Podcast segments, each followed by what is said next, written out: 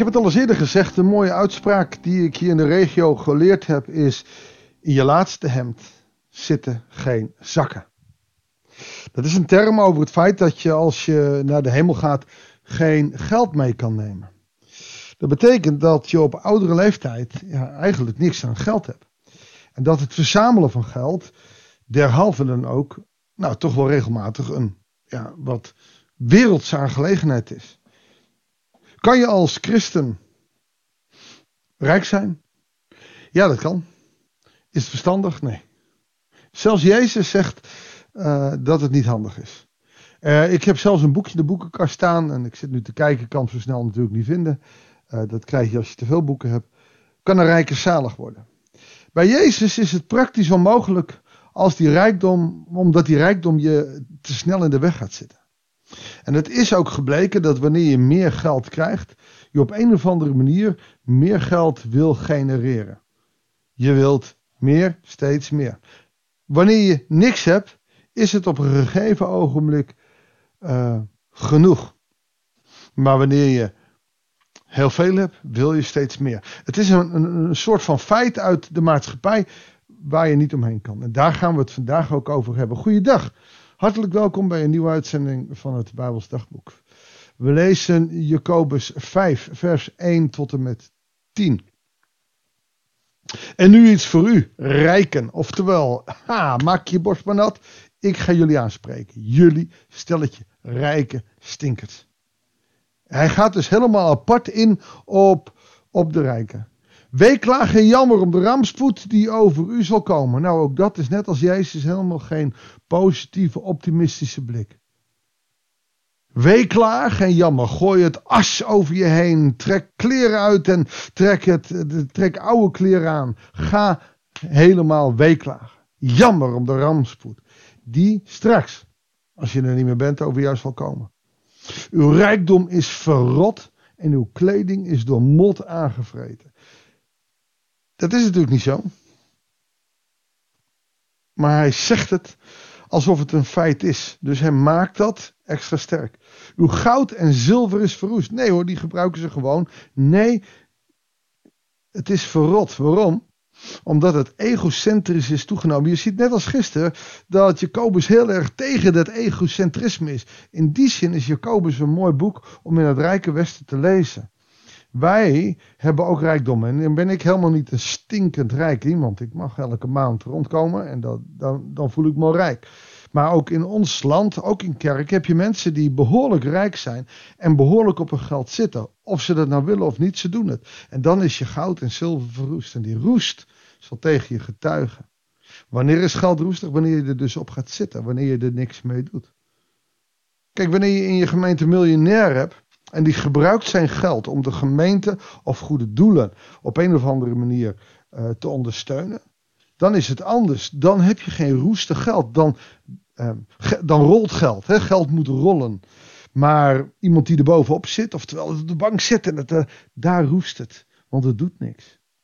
Wanneer geld in de handen van mensen rolt en heen en weer gaat, blijft het glimmen door de vetten, door de, gewoon omdat het je hand is. Maar wanneer het ergens stil ligt, verrot het. U hebt uw.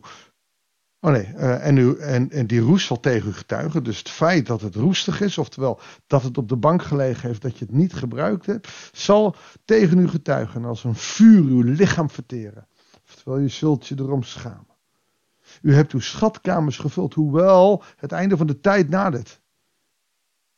Als christen moet je leven alsof Jezus morgen terugkomt. Dat betekent als je miljoenen op je rekening hebt staan, dat je er niks aan hebt, want je laatste kledingstuk zit er geen zakken. Je kunt het geld niet meenemen.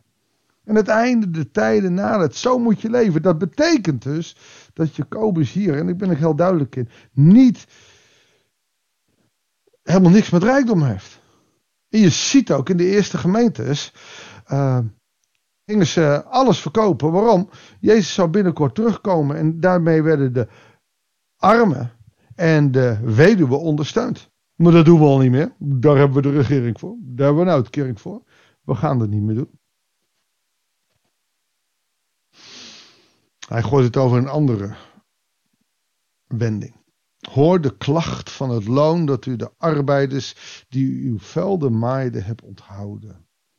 Het geroep van de maaiers is tot de Heer van de hemelse machten doorgedrongen. De maaiers werkten eh, dag en nacht, maar nooit voor genoeg geld. Het werd ze onthouden. Ze zullen een habbekrats hebben gekregen. Maar het geroep van de maaiers is tot de Heer van de hemelse machten doorgedrongen. Dat is net zoiets als het klagen van het volk dat in Egypte onderdrukt wordt. God hoort ze. Ook al kan het een lange tijd duren. U hebt op aarde in wilde gebaat en losbandig geleefd. U hebt uzelf vet gemest voor de slachttijd. U hebt de rechtvaardigen veroordeeld en vermoord. Waarom? Door te weinig salaris te geven. Dat betekent dat mensen, de arbeiders, arm waren. Geen eten en drinken hadden voor het geld. En daarom maakt hij het zo sterk dat hij gezegd heeft: U heeft ze vermoord. Hij heeft nooit letterlijk iemand vermoord. Maar door iemand iets te onthouden waardoor hij of zij niet rond kan komen terwijl hij hard werkt. Daarvoor staat als het ware de dood, want je zult niet kunnen eten. En eten en drinken heb je nodig. En hij heeft zich niet tegen u verzet. Ze hebben dus leidzaam geluisterd. Heftige woorden. Rijkdom. Degene die echt rijk zijn, die zouden nu zenuwachtig moeten worden. En dan gaat hij verder. Vers 7. Heb geduld, broeders en zusters tot de Heer komt. Denk eens aan de boer die geduldig blijft wachten op de kostbare opbrengst van zijn land, tot de regens van het najaar en het voorjaar zullen vallen. Wees net zo geduldig en houd moed, want de Heer zal spoedig komen. Klaag niet over elkaar, dus ook niet over die rijke stinkert. Alleen bij God, broeders en zusters, want daarmee roept u het oordeel over u af. Dus je mag wel klagen, want dat spreuk ook niet klagen, maar dragen en bidden om kracht. Dat is echt niet bijbels. Je mag klagen, alleen niet klagen over elkaar. Want daarmee roept hij een oordeel af. Dat heeft hij van de week ook al gezegd. Bedenk dat de rechter voor de deur staat. Oftewel, Gods oordeel zal over je komen. En als dat een van geklaag, geroddel en van, van kwaadsprekerij is. Dan zal het oordeel over je komen. En dan mag je weten dat Christus voor jou maar wacht even. Zorg dat dat niet nodig is. Zorg dat Jezus niet voor jou hoeft op te treden omdat je leeft zoals Jezus wilde. Neem een voorbeeld aan het geduldig lijden van de profeten die in de naam van de Heer spraken. Vele van die profeten zijn onderdrukt. Ze werden geroepen door God, maar hadden niet een fijn leven, maar dienden God in alles wat ze deden. We weten van Elia als profeet dat hij mopperde. We weten van Elise dat hij het altijd niet prettig vond. En dat ze moeilijke tijden hadden. Vele van die profeten die hadden de koningen tegenover zich. Die met hun regeringen uh, belangrijke uh, en machtige tegenover waren. Ze werden onderdrukt. Ze werden gevangen genomen. En wat denk je van die Sebel met die... Wat waren het? 400... Uh, misschien wel meer, ik weet het zo uit mijn hoofd niet. Uh, profeten die vermoord werden. Neem een voorbeeld aan hen. Nou, dat is niet een makkelijk voorbeeld. Maar neem ook een voorbeeld aan de arbeiders op het veld. Want ze waren veroordeeld en vermoord en hij heeft, ze hebben zich niet tegen hem verzet. Zoals Jezus leidzaam als een lam geslacht aan het kruis moest hangen, zonder verzet. Zo moeten wij het oordeel van deze wereld zonder verzet over ons heen laten komen. Dat durven we niet, willen we niet, zullen we niet. Maar het valt niet mee om christen te zijn. Ik denk dat we in die zin bescheidener moeten zijn. Zachtmoediger. En dat valt niet mee. Zullen we daar maar van gewoon voor gaan bidden? Zo gewoon is het niet om met u te bidden, Hemelse Vader, maar we willen u vragen om kracht. Om heel veel kracht. Om zachtmoedigheid te kunnen tonen. Ook naar de mensen die boven ons staan, de regering. Een God die in onze ogen lang niet altijd de goede beslissingen neemt. Wilt u zijn bij de regering? Ook als zij dingen willen die wij als christenen bijvoorbeeld niet willen. Hij wil bij de regering zijn. Wil ze wijsheid geven, wil ze uw wijsheid geven.